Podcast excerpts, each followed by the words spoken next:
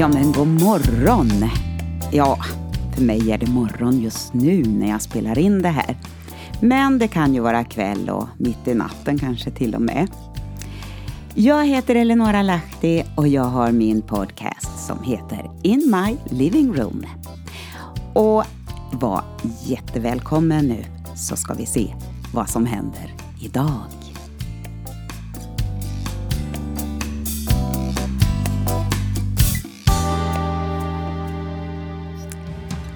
Idag har jag en text som jag skrev för några månader sedan.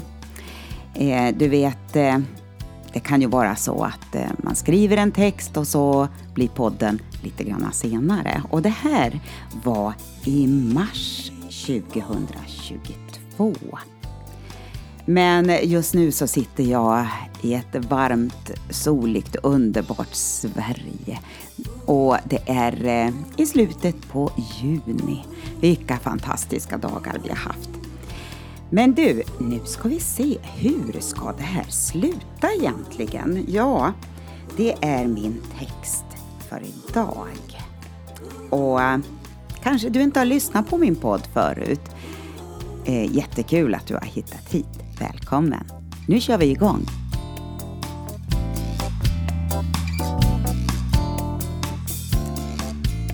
Vem trodde?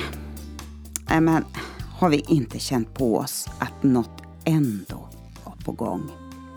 Galenskaperna när tiden är ur led. Ja, häromveckan så talade vi om pandemi, restriktioner och covid-tester. Ord som vi levt med i över två år. Nu har vi bytt ut nyhetsrapporteringen mot eh, Ukraina, kärnvapen och flyktingar. Och det är mars 2022. Hela skapelsen suckar och våndas och är i fångenskap i ett slaveri under förgängelsen. Och vi undrar, hur ska detta sluta? Jag hör om människor som har mist sömnen och inte kan sova. För oron finns där över vad som kan hända. Alla jodtabletter som kan skydda sköldkörteln mot strålning har tagit slut i alla lager. För att inte tala om vattendunkar, enkla radioapparater och spritkök.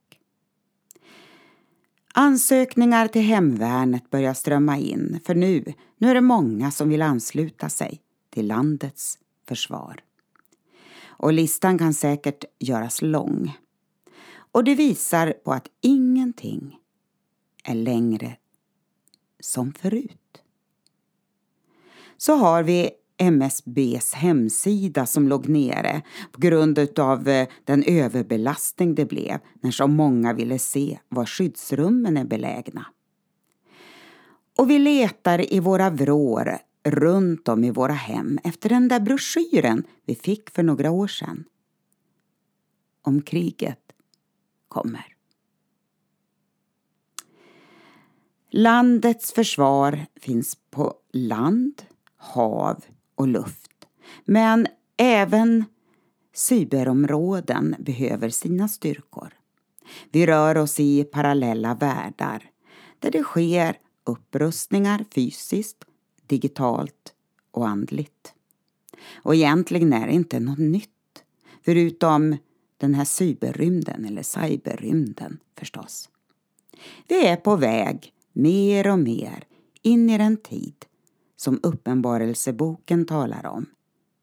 En apokalyps där slöjan tas bort för att visa och avslöja framtidens scenario. En, lyssna, en triumf över ondskan. Kan vi bara hålla tag i det här, då är mycket vunnet. Jesu seger över ondskan. Har du tänkt på det? Det är ju det det handlar om. Men eh, vi lever här och nu och dras lätt med i nyhetsrapporteringar om krig och stridsflygplan som kränker svenskt luftrum och där vår egen vardag handlar om skyhöga elräkningar och bensin och dieselpriser. Men Du, i allt det här säger Guds ord i Matteus 24 och 6. Ni kommer att höra stridslarm och rykten om krig. Ja du, se då till att inte bli skrämda. Ty detta måste hända. Men därmed har inte slutet ännu inte kommit.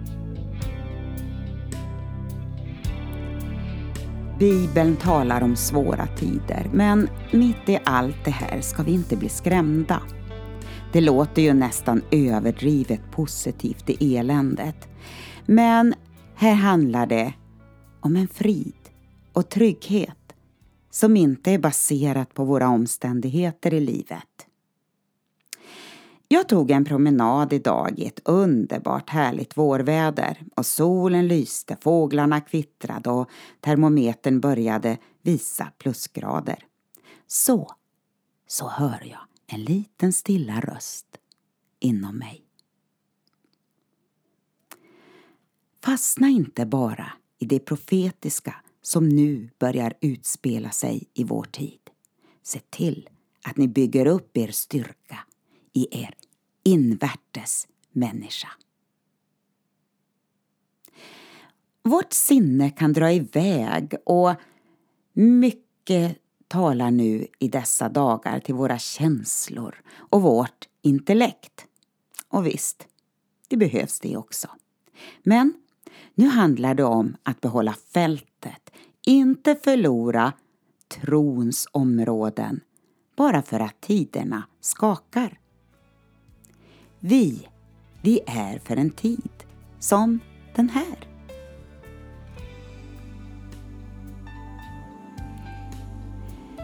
Vi hör inte till dem som drar oss undan och går förlorade. Vi hör istället till dem som tror och vinner sina själar.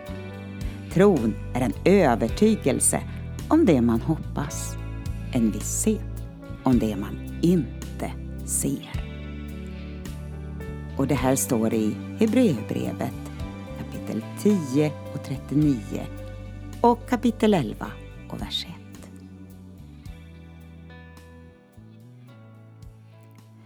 Om vi inte tidigare förstått det så måste vi nu inse att vi befinner oss i ett konstant krigstillstånd emot mörkrets makter. I Gud så finns kärlek, frid och omsorg. Men detta krig är vår vardag. När Paulus hade blivit fängslad och satt i Roms fängelse skriver han till de troende i Efesus. Han beskriver hur man tillsammans ska få se hur Kristi kropp ska verka på jorden genom Guds nåd och hans ande. Men i allt detta måste man bära Guds vapenrustning. Paulus hade säkert studerat fångvaktarnas utrustning där han såg att varje detalj hade sitt speciella syfte. Så man kan stå emot på den onda dagen och behålla fältet sedan man fullgjort allt. I Efesierbrevet 6. Sanningens bälte som hjälper till att avslöja lögnen. Rättfärdighetens pansar som beskyddar hjärtat från felaktiga skuldkänslor. Beredvillighetens skor för fridens evangelium som ger motivation att fortsätta vidare. Och trons sköld som utsläcker den ondes alla brinnande pilar och hjälper oss att leva över omständigheterna. Och frälsningens hjälm, ja, för sunda tankar och Andens svärd som är Guds ord. Du, det enda anfallsvapnet i utrustningen. Guds ord. Wow!